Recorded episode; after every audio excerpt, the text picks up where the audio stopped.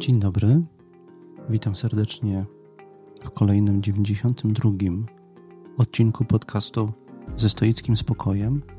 W dzisiejszym odcinku kontynuuję mini serię trzech rozmów ze współczesnymi praktykującymi stoiczkami i stoikami, których pytam o ich indywidualną drogę w praktyce stoickiej i indywidualne recepty na sukces w tej praktyce. Zatem zapraszam do słuchania drugiej rozmowy.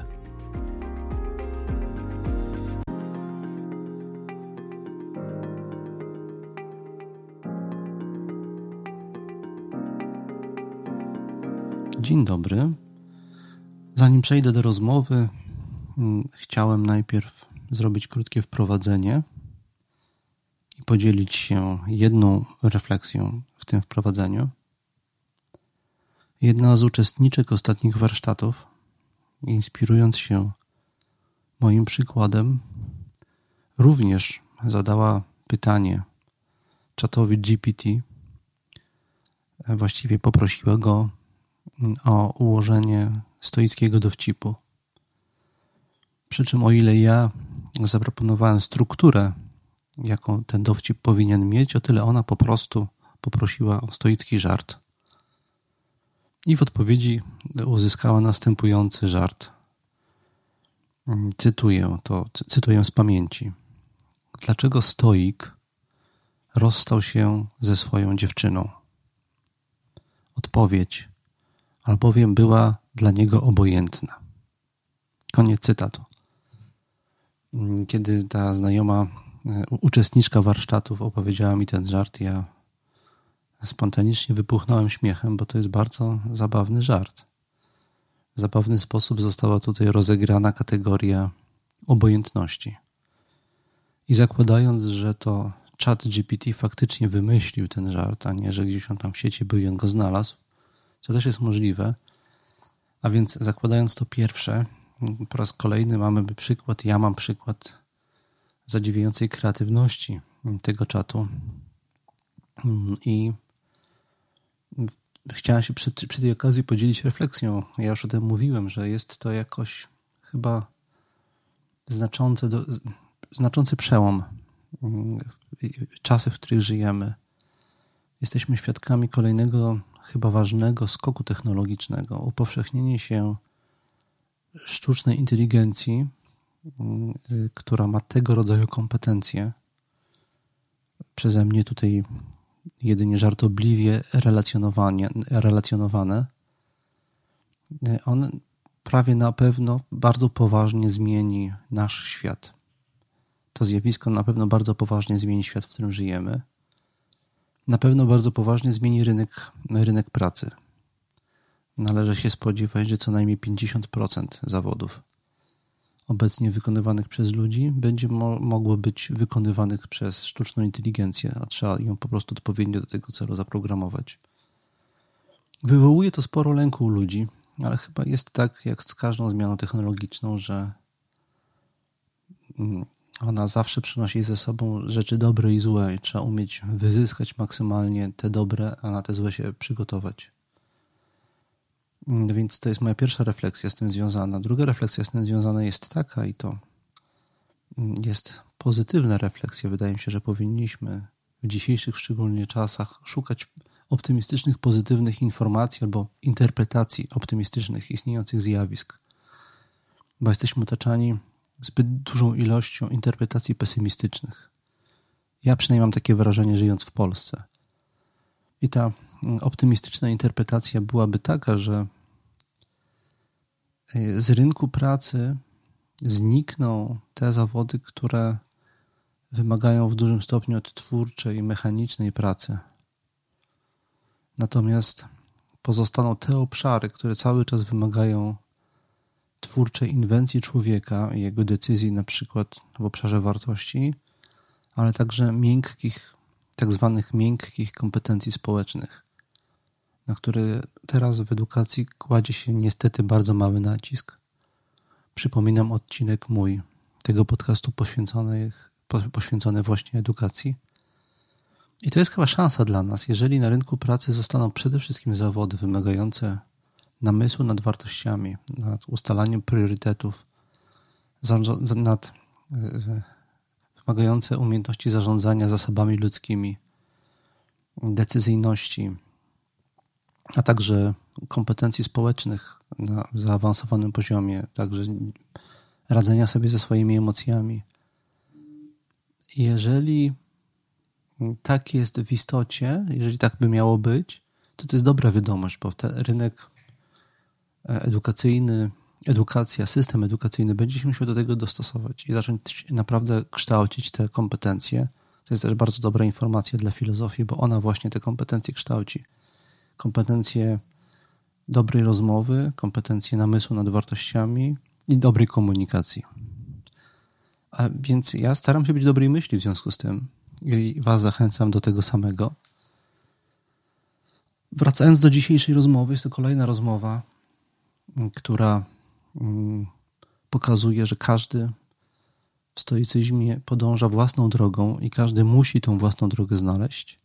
I każdy wchodzi do, rozpoczyna tą praktykę od innej trochę strony. Moja rozmówczyni mm, przedstawiła pewną historię swojej drogi. To jest historia, która trwa już wiele lat. Okazało się, kiedy Anna kiedyś pojawiła się na warsztatach stoickich, że my się znamy już dość długo. Kiedyś chodziła na takie spotkania, które organizowałem w kawiarniach na samym początku pod szyldem Centrum Praktyki Stoickiej. Potem wyjechała z Warszawy i potem natknęła się po kilku latach na informacje o organizowanych przeze mnie warsztatach stoickich i spotkaliśmy się po latach. Ona mi opowiedziała, że wtedy, wiele lat temu, stoicyzm pozwolił jej bardzo dużo i bardzo pozytywnie zmienić w swoim życiu. I teraz trochę o tej zmianie opowiada. Ja tą rozmowę na wzór tego pomysłu z poprzedniej części też sobie nazwałem skrótowo i roboczo Mm, ta nazwa to zmiana perspektywy. Stoicyzm często na zewnątrz nie jest za dobrze widoczny, y, bo nie chodzi o jakąś spektakularną zmianę naszych wyborów życiowych. Y, o spektakularną zmianę naszego zachowania nawet czasami nie chodzi. Chodzi o to, jak doświadczamy rzeczy, jak na nie patrzymy. Przede wszystkim chodzi o zmianę perspektywy. I moim zdaniem o to chodzi w rozmowie z Anną, do której Was teraz zapraszam. Dodam jeszcze i w moim komentarzu do tej rozmowy, potem jeszcze o tym wspomnę, dlaczego. Po rozmowie, albo ta rozmowa z Anną przywiodła mi na myśl w szczególności ćwiczenie pod tytułem Ostatni dzień życia. Jest takie ćwiczenie stoickie które czasami rekomenduję. I w kontekście tej rozmowy chciałem to ćwiczenie przypomnieć, bo coś z tego, co powiedziała Anna, ma duże znaczenie dla istoty tego ćwiczenia. Ale na razie tego nie zdradzę. Proszę o wysłuchanie rozmowy z Anną, a potem wyjaśnię, o co mi chodziło.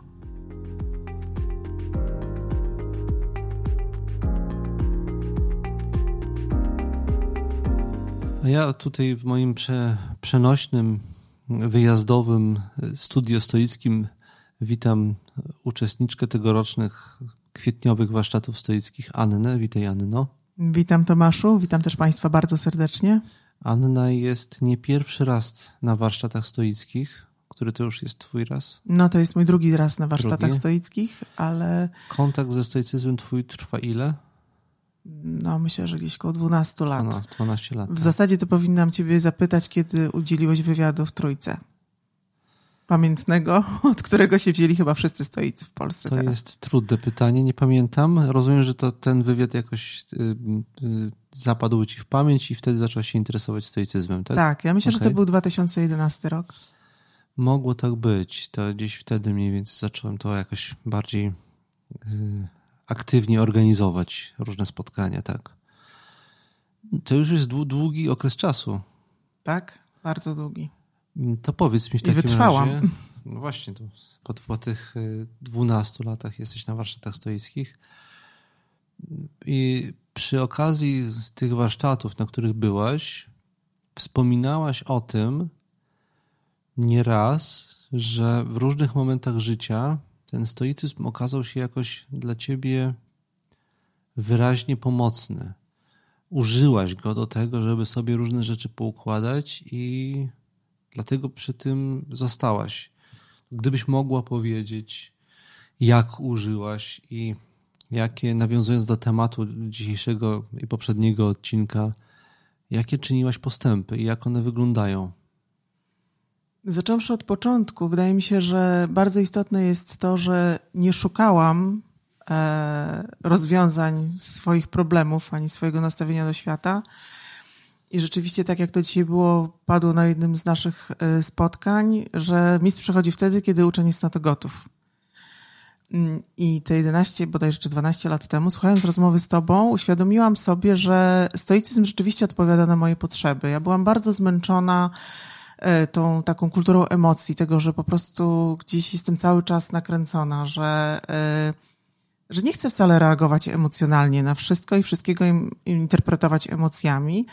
Natomiast e, rozmawiając ze znajomymi, z przyjaciółmi, miałam taki taką informację zwrotną, że to jednak trzeba ufać tym swoim emocjom i trzeba w tym być, bo to jest jakaś prawda, tak? Że mhm. um, jeśli ja się nie kieruję emocjami, to jestem w jakiś sposób upośledzona, tak? Że to jest gdzieś mój jakiś defekt e, że nie potrafię i nie chcę używać, że po prostu męczy mnie. To zresztą też trzeba jakby to jasno przyznać, że wtedy um, byłam artystką zawodową i e, te emocje. emocjami. Tak, trochę. i te mhm. pracowałam tymi emocjami. I to w ogóle, pomimo całej jakiejś satysfakcji z zawodu i finansowej, i takiej w ogóle też zawodowej, po prostu wiedziałam, że to nie jest dla mnie, że to nie wypala, że ja nie chcę tego robić. No to może w takim razie zapytam, nawiązując do y, tytułu jednej z książek Piotra Stankiewicza y, o relacji między stoicyzmem a kreatywnością, napisał taką książkę po angielsku. Czy masz poczucie, że stając się stoiczką, stałaś się mniej, mniej artystką, mniej kreatywna jesteś? Jest jakaś tutaj relacja? No Czy jednak te emocje sprawiają, że jesteś bardziej twórcza? To znaczy, e, na pewno e, nie jestem już kreatywna jako artystka. Oczywiście kreatywność e, można, znaczy no nie można interpretować w różne sposoby, natomiast jestem na pewno bardziej kreatywna i twórcza w sensie życiowym, swoich wyborów, decyzji, mhm. które podejmuję, natomiast nie jestem już artystką. A z powodu stoi... nie, ale nie z powodu stoicyzmu, czy to z powodu znaczy, stoicyzmu? Nie byłam zmęczona tym byciem właśnie taki w tych emocjach, tak? Dlatego, że um, kreatywność, jakby proces twórczy mhm. jest procesem bardzo wymagającym. To znaczy on wymaga um, to nie jest tak, że człowiek siada i coś sobie wymyśla, tak? To mhm. jest, y, na początku jest jakiś tam proces intelektualny, ci próbuje zrozumieć pewne rzeczy, y, znaleźć, poznać i dopiero gdzieś na bazie tego, co wie, na bazie tych doświadczeń po prostu powstają jakieś rzeczy, tak? Mhm. Kosztowało mnie to bardzo dużo mhm. i mm, no myślę, że teraz jestem kreatywna, przede wszystkim mam w sobie jakby inny rodzaj kreatywności, znaczy na mnie tak nie wypala, ale nie jestem już artystką i w ogóle za tym nie tęsknię, być mhm. może, tak jak się rozmawialiśmy na warsztatach, no jest to pewna strata, tak? Czyli to jest coś za coś, ale chyba tego akurat brakuje mi najmniej. Mhm.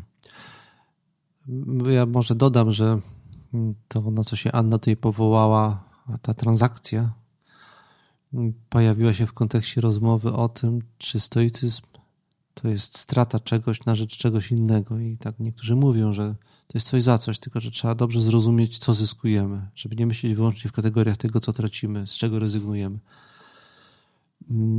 Ale tak dopytując o to, co tutaj przed chwilą opowiedziałaś, mm, na czym polegała zmiana? To znaczy, do czego użyłaś i jak użyłaś stoicyzmu? Do czego użyłam stoicyzmu? E, wydaje mi się, że do zrozumienia najpierw samej siebie i do zaakceptowania tego, że mm, moje wybory dokonywane rozumem, jakby takim namysłem, nie są gorsze od tych wyborów emocjonalnych, tak? które, które dyktuje mi instynkt, tak? Gdzieś. Yy... I oczywiście zaczęło się od w ogóle zainteresowania jakimiś takimi podstawami zupełnymi stoicyzmu. E, no i muszę to jakby jasno przyznać, że przez te 12 lat były różne okresy też w moim życiu. Mhm.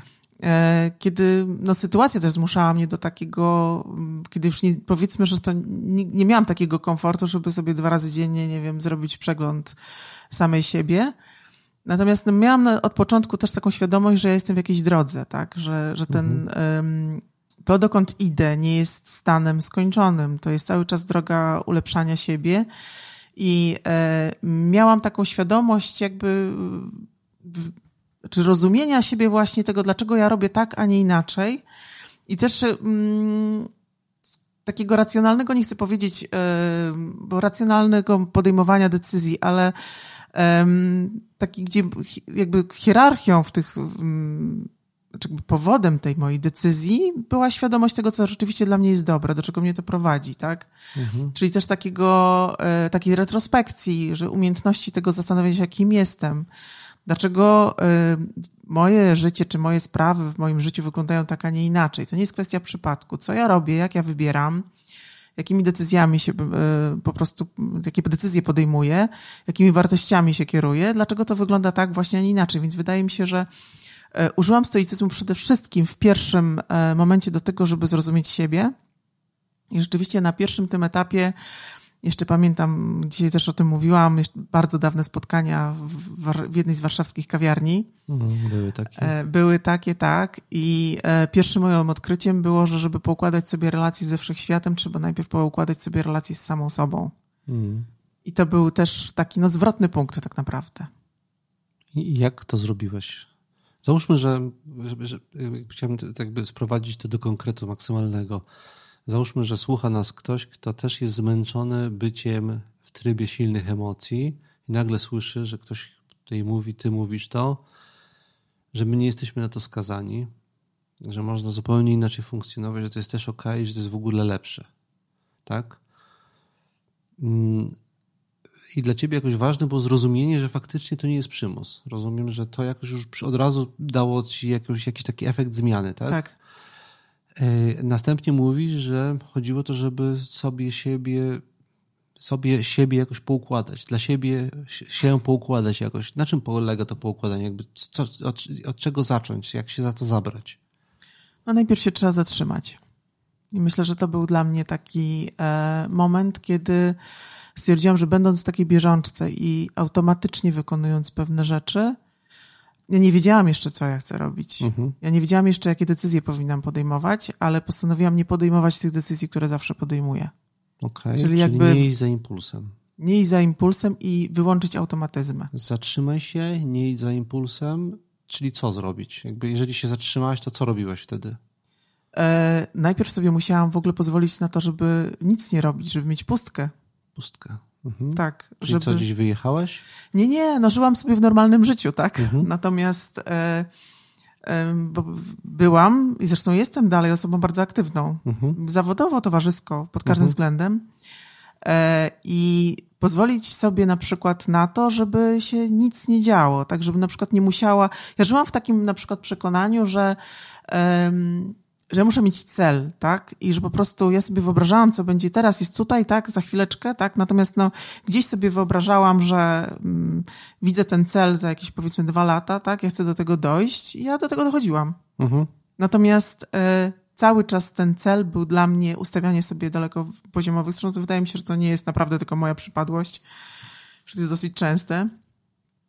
Ale zamiast poczuć tego, jak ja się czuję tu i teraz, Czego yy, chcesz? Czego tak chcę tak naprawdę. A co, ustawia, ustawiałaś sobie, ustanawiałaś sobie cele, których nie chciałaś? Skąd one się brały w takim razie? Ja myślę, że ja je chciałam. I dalej bym postawiła sobie te same cele. Okej. Okay, tylko samo cele się, nie cele się nie zmieniły, o, tylko hmm. fakt tego, że ja w zupełnie inny sposób w pewnym momencie zaczęłam do tego, zaczęłam do tego podchodzić. Robisz, załóżmy, że masz ten sam cel, czyli co się zmieniło teraz w twoim dążeniu do tego celu, że, że to jest bardziej stoickie? No w taki sposób kolekwialny wyłączyło mi się ciśnienie. Okay. Tak, czyli nie robię tego po prostu w napięciu jakimś dążenia, tylko y, najpierw sobie uświadamiam, y, że kim jestem, czego potrzebuję, jaka jest moja hierarchia wartości, tak? Mm -hmm. No wiem, że tutaj mówię książkową jakąś taką, takim mm -hmm. przykładami, ale tak naprawdę jest. E, i jeśli ustawiam sobie ten cel i wiadomo, że w osiągnięciu tego celu. To, jeżeli nie masz nic przeciwko, na, na jakimś przykładzie. Podaj przykład, jakiego, jeżeli mogłabyś, jakiegoś celu. Powiedzmy, że ten cel abstrakcyjny jest taki, że e, teraz taki mm, cel abstrakcyjny, że na przykład, nie wiem, chcę mieć lepszą pracę, tak? Uniwersalny. Mhm. No tak. E, Co zrobić, żeby nie mieć ciśnienia na ten Żeby nie mieć ciśnienia Jak na ten... ma się do tego hierarchia wartości? No właśnie, tak. No to mhm. teraz, y, jeśli będę szukać pracy takiej, którą wydaje mi się, że ona jest lepsza, jeśli nie zacznę od samej siebie, to wyląduję za chwilę. Przepraszam, bo chciałam powiedzieć, że nie szukam pracy i bardzo lubię swoją pracę, okay. więc ten jest. A to jest przykład jakiegoś celu, tak? tak, tak, to jest cel zupełnie abstrakcyjny, ale o którym, tak. z którym często rozmawiam ze swoimi znajomymi. Jeśli na przykład chcemy zmienić pracę, tak? tak. No i wyobrażamy sobie, że. Um, pójdę sobie do tej innej firmy i tam będzie zupełnie inaczej. Jeśli ja nie zrobię porządku z tym, jak ja się zachowuję, jak reaguję i jak postępuję, to tam spotka mnie dokładnie to samo, co spotyka mnie tutaj. Czyli chodzi o zrozumienie, że niezadowolenie z pracy co najmniej częściowo wynika z tego, jaka jesteś tu i teraz. Jakie masz oczekiwania. Tak. I ten I cel może to, zostać. Żeby zmienić swoje oczekiwania. Możesz zostawić cel, ale żeby, chodzi o to, żeby przestać być jego zakładnikiem. O, dokładnie tak. Natomiast mhm. też oczywiście tutaj e, chodzi też o to, że mm, też o sposób jakby nastawienia do tego celu, tak? To znaczy, że on dalej pozostaje, natomiast e, ja, żeby zmienić jakby się, muszę się zmienić też sama w sobie, tak? Jakby, do, jakby dostroić do tego celu, bo inaczej on po prostu no, dalej będzie króliczkiem, za którym cały czas gonię. Mhm. A czy masz jakieś ulubione narzędzia, techniki stoickie, które stosujesz na co dzień? Ja może nie, chciałabym powiedzieć o czymś, co może nie jest to moja ulubiona technika i nie jest to moje ulubione ćwiczenie, natomiast było w pewnym okresie życia bardzo dla mnie ważne. Yy, to było nadawanie wartości yy, rzeczom, które nam się przytrafiają, bo tak naprawdę to, co się nam przytrafia, samo w sobie nie ma żadnej wartości, to my nadajemy temu wartość. I w pewnym okresie mego życia pojawiały się rzeczy, które były dla mnie bardzo trudne. Mhm. Związane tak obiektywnie z bólem, z chorobą, z mhm. jakimiś takimi zupełnie takimi rzeczami, które były po prostu trudne naprawdę dla mnie do zniesienia. Mhm. I wtedy bardzo mi rzeczywiście pomogło to, że zmieniłam swoją interpretację, bo buntowałam się przeciwko temu. Buntowałam się przeciwko temu, że ja muszę to znosić, że, że to, że co się w ogóle dzieje, tak? Mhm. A w momencie, w którym sobie pomyślałam, że to jest taka sama część życia, jak wszystkie inne przyjemne rzeczy, że wartość tego jest y, tak samo ważna, jak tych rzeczy, które są postrzegane jako przyjemne. Czyli zaakceptowałeś to jako element pakietu. Tak, jako element pakietu. Życie to jest całość i przyjemne i nieprzyjemne rzeczy wchodzą w skład tej całości i to jest pewien pakiet i nie można akceptować jednej części bez akceptowania drugiej. Tak. Czyli zmieniłaś swoją ocenę w kontekście całości. Było okay. to bardzo trudne, mhm. ponieważ ja też czułam się w bardzo trudnej sytuacji. Natomiast wtedy wydaje mi się, że pomogło mi to jakoś tam się pozbierać, mhm. że to było bardzo ważne. Okej, okay, czyli taka stoicka manipulacja interpretacją zdarzeń. Zmiana oceny. Odkryłaś, że masz wpływ na to, jak oceniasz, i to jest od, od ciebie zależy, jak ty oceniasz to, co ci się dzieje, a nie od tego, co ci się dzieje. Tak. To jest jedna z podstawowych stoickich kompetencji. Rozumiem, że robisz to, jak to robisz? Coś się dzieje i to siadasz i o tym myślisz? Na czym polega ta, ta zmiana? Z czego ona się bierze? Czego ona jest konsekwencją? Tak, to jest konsekwencja na pewno myślenia i postrzegania, tego jakby interpretowania e, tych zjawisk i rzeczy, zamiast e, to jest chyba na tak, i to jest właśnie chyba jest też nawiązanie do początku naszej rozmowy, Aha. tak? Czyli mm, jakby pierwszą reakcję masz taką emocjonalną, tak? Nie dam rady, po prostu jest źle, w ogóle moje życie nie ma sensu, nie wstaję z łóżka albo nie śpię, no cokolwiek, mhm. tak? E, nic nie mogę, tak? Po prostu czuję się w ogóle słaba, nie wiem, to można oczywiście cały spektrum odczuć zamiast się buntować, emocjonalnie podchodzić do tego tematu, tak jakby interpretować, no bo to jest jakby naturalne. To jest pierwsza w ogóle rzecz, to jest odruch w ogóle taki odruch, taki, mhm. którego nie da się uniknąć. Po prostu wtedy udało mi się włączyć takie myślenie, no dobrze, no ale ja nic z tym nie zrobię, tak? Na ten moment mogę zrobić, muszę to przeczekać, tak? Muszę to przeżyć, muszę to wyleczyć, nie wiem, cokolwiek. Mm, I I żeby to zrobić, to tak naprawdę potrzebuję, jakby te negatywne emocje nie są mi do niczego potrzebne. Ja muszę to zrozumieć i zaakceptować. Mhm. I wtedy I, i będzie wtedy mi po odpuszcza. prostu, wtedy odpuszcza, tak. I to wydaje mi się, że też jest nawiązanie do początku naszej rozmowy, tak? Mhm, tak. Czyli to jest e, jakby to wyłączenie emocji, a włączenie tego rozumu i, i zaakceptowanie po prostu e, tego, co się zdarza, z taką też um, analizą, z takim pełnym zrozumieniem. Czyli jeśli jest mi źle, to co tak naprawdę mi przeszkadza? W czym jest mi źle?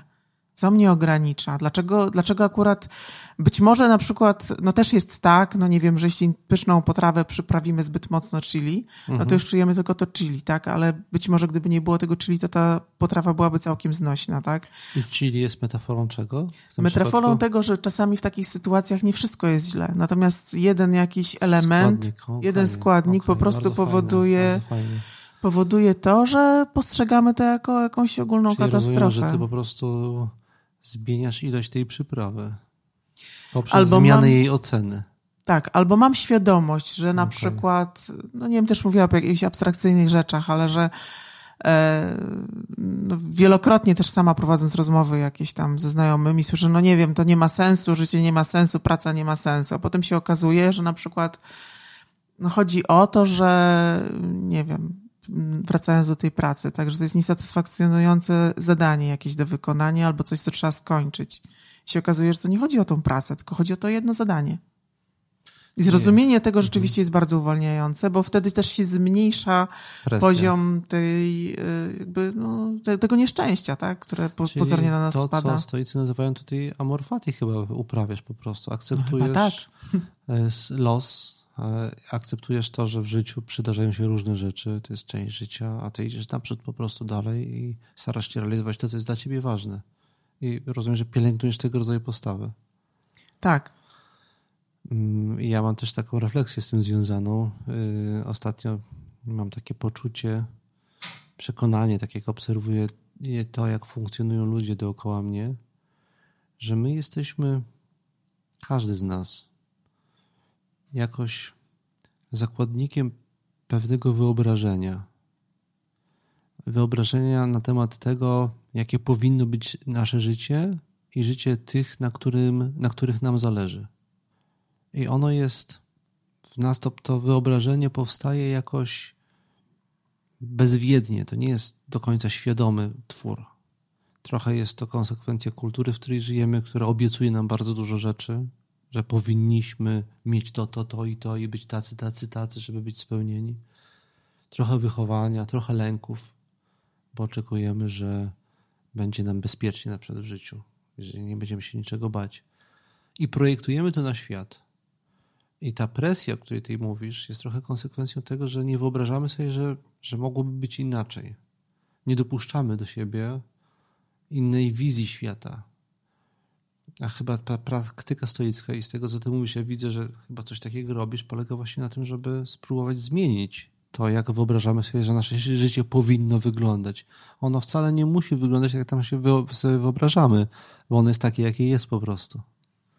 Ja bym do tego jeszcze dorzuciła jeden wątek. Mm, wkładamy siebie w schematy, bo to daje nam poczucie bezpieczeństwa, tak? Mhm. Czyli wydaje nam się, że jeśli będziemy zachowywać się w jakiś sposób, e, robić pewne rzeczy, e, to jest coś, jakiś taki stan pożądany, tak? Gdzie zwalnia nas to w pewien sposób jakby z myślenia, z odpowiedzialności za siebie i za środowisko, w którym jesteśmy. Po prostu jest nam wtedy pozornie łatwiej. Czyli robimy pewne rzeczy, bo się tak robi i to jest łatwe. Bo ktoś to wymyślił, powiedział, że tak jest dobrze, Aha. więc no to skoro ktoś to wymyślił, no to tak to zróbmy, tak? To masz czy... Mhm. Natomiast e, jest to oczywiście też pozorne. No, ja często też rozmawiając ze znajomymi, nie, szczerze mówiąc, jakoś nie patuję tym swoim stoicyzmem, ale mm, wiele, już to trwa tyle lat, że wiele osób już o tym wie, mhm. że też właśnie stoicyzm postrzegany jest w kategoriach schematów. E, mhm. Jest to być może, znaczy jest to oczywiście schemat, jest to jakiś pewien, e, może procedura, tak? Natomiast no gdzieś, przynajmniej dla mnie, zawsze było bardzo istotne, żeby to jednak było spójne ze mną, tą autentyczną mną, tak? Z moimi potrzebami, przy czym ja się też zmieniam.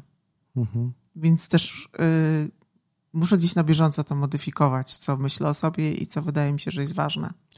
Nawiązując do Kahnemana, no, chyba trzeba powiedzieć, że logistycznie rzecz biorąc, logicznie rzecz biorąc, schematów się nie da uniknąć. Po prostu potrzebujemy tak. pewnych skrótów behawioralnych, e, którymi reagujemy na pewne typy sytuacji.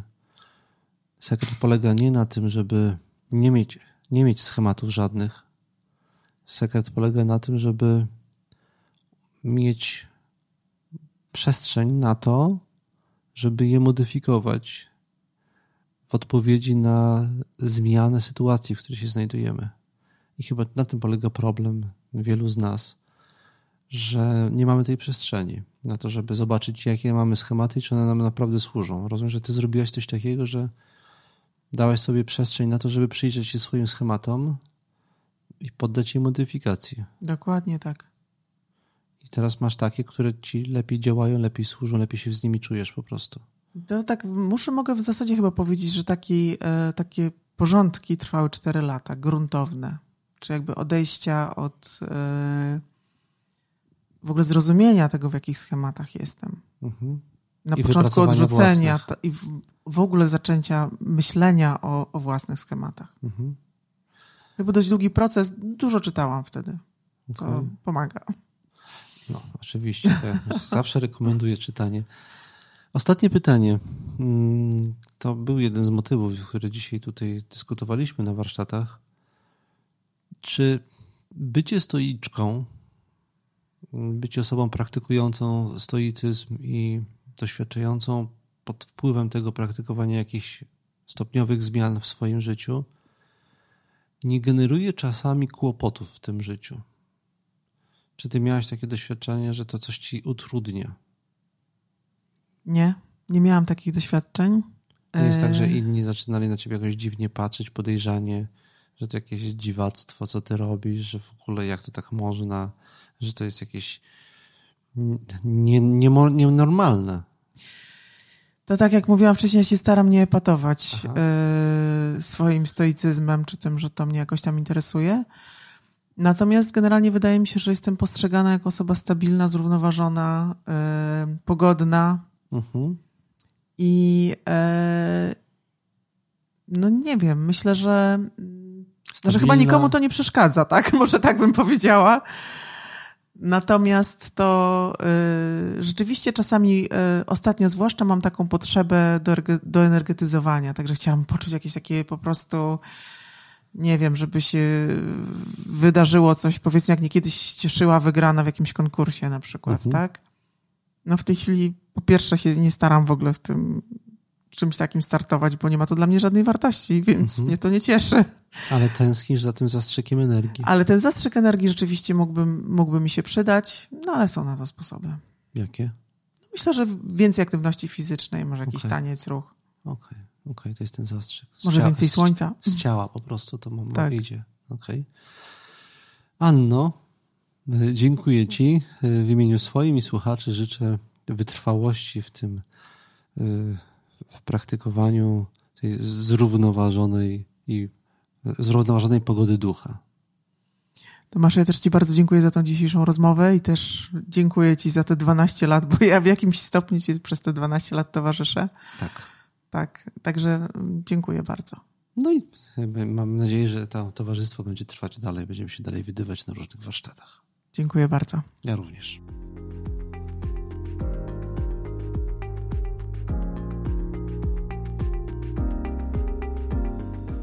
Mm, to była rozmowa z Anną. Mam nadzieję, że wysłuchaliście jej z przyjemnością. Zanim ją głębiej skomentuję, to muszę się przyznać do pewnego grzechu, co już jest częścią tego komentarza właściwie, tak się teraz nad tym zastanowiłem. Otóż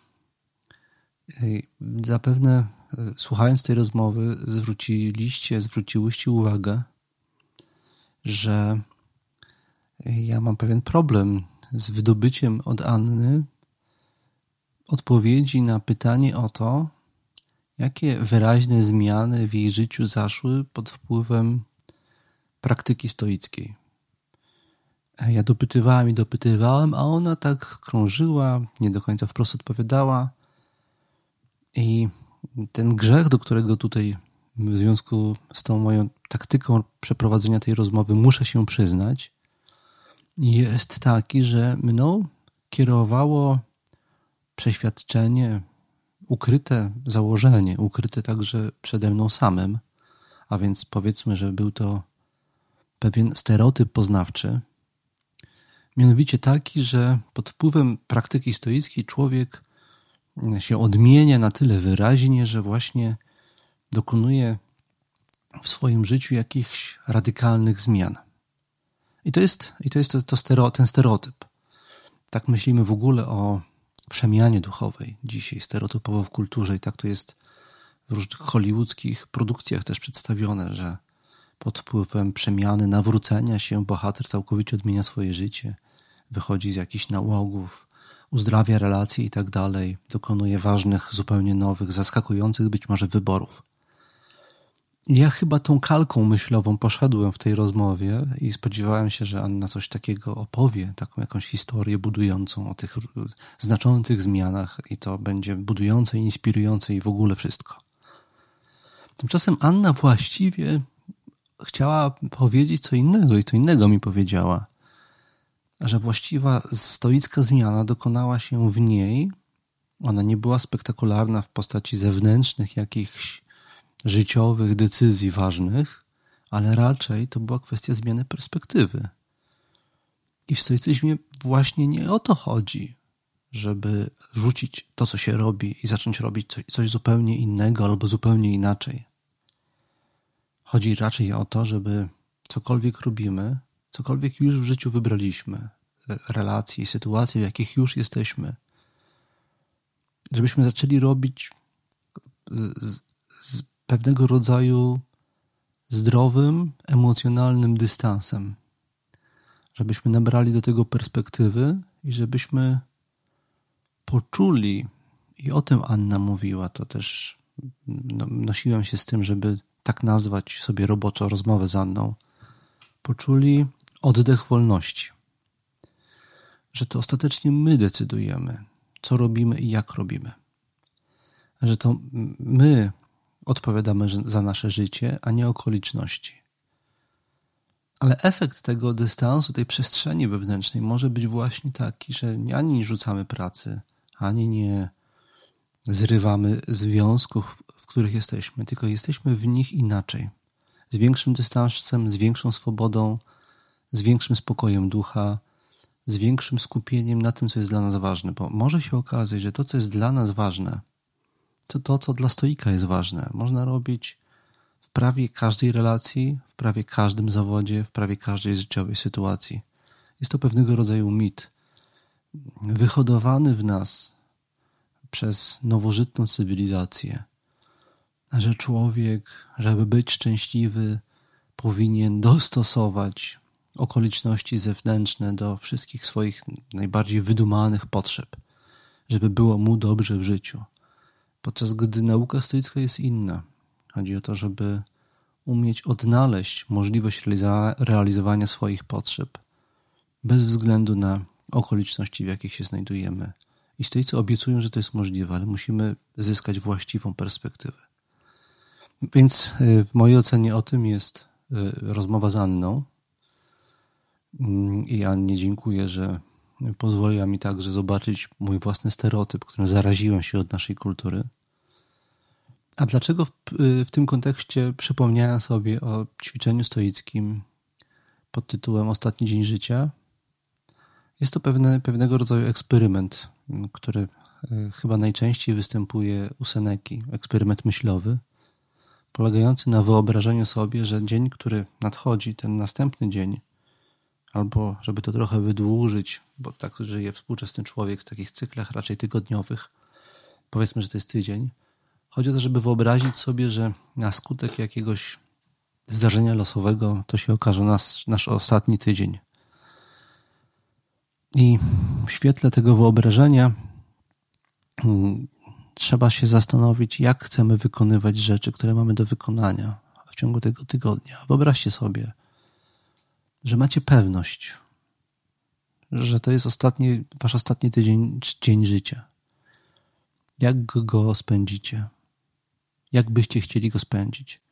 I dlatego przypomniało mi się to ćwiczenie po rozmowie z Anną, bo istnieje pokusa, której doświadcza bohater filmu Dzień Świstaka na początku, żeby ten ostatni dzień, jedyny dzień, przeżyć w jakiś absolutnie zwariowany sposób, wziąć kredyt, wyjechać gdzieś do egzotycznego miejsca, przeżyć najbardziej y, intensywne, możliwe i niesamowite wzruszenia, jakie są tylko możliwe. E, I y, bohater filmu Dzień Świstaka, uświadomiwszy sobie to, że y, nie ma żadnych konsekwencji tego, co zrobi tego jednego dnia, który on nieustannie powtarza, miał taką fazę, że każdego dnia robił jakieś szalone rzeczy, włącznie z, z dokonywaniem przestępstw, z popełnianiem przestępstw i wykroczeń wszelkiego rodzaju.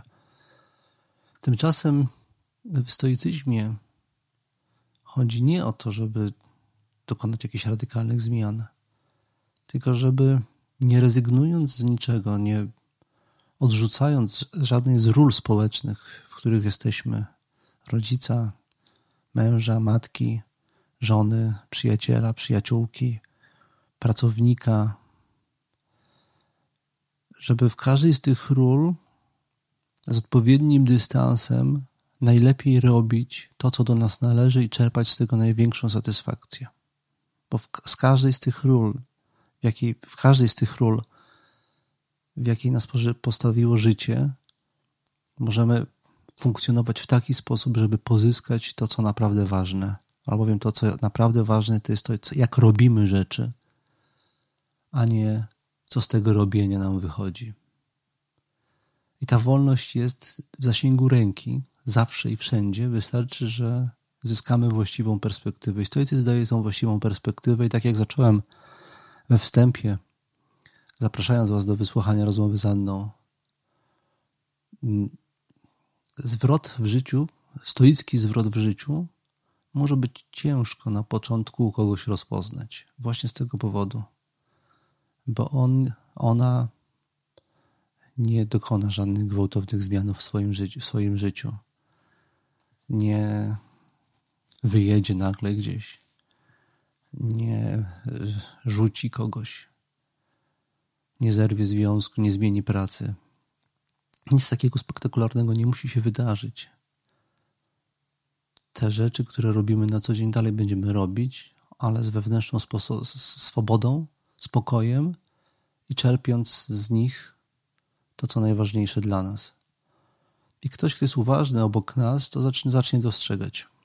Ktoś, kto patrzy na powierzchowne różnice, nie zobaczy tego. Zachęcam Was do takich zmian, zmian perspektywy i już teraz zapraszam do wysłuchania rozmowy, która będzie w następnym odcinku, bo tam będzie jeszcze coś innego.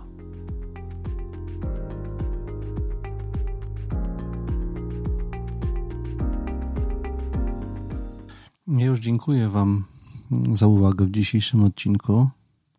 Jeżeli chcecie opisać własną praktykę, własne unikalne doświadczenie i chcielibyście, żebym je tutaj w moim podcaście opisał, tak żeby inni też mogli coś z tego wziąć dla siebie, to ślijcie mi e-maile na adres Tomasz Małpa ze stoickim spokojem.pl. Ja chętnie to zrobię. E, a dzisiaj już Wam dziękuję, tak jak powiedziałem. E, w szczególności dziękuję patronom, którzy wspierają produkcję tego podcastu za pośrednictwem platformy Patronite. Wasze wsparcie jest bezcenne. Bardzo Wam dziękuję. W szczególności dziękuję grupie e, najhojniej wspierających mnie patronów i patronek. Wymienię ich teraz z, po kolei, tą, tą grupę.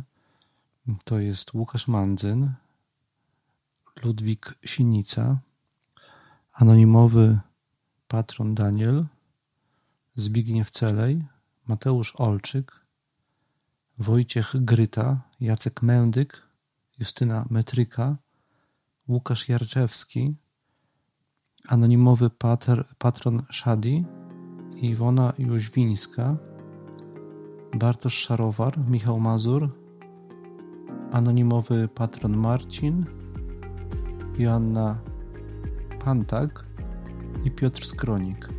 Bardzo Wam serdecznie dziękuję i zapraszam do wysłuchania dogrywki dla patronów i patronek e, możliwych, do, możliwej do wysłuchania na platformie Patronite.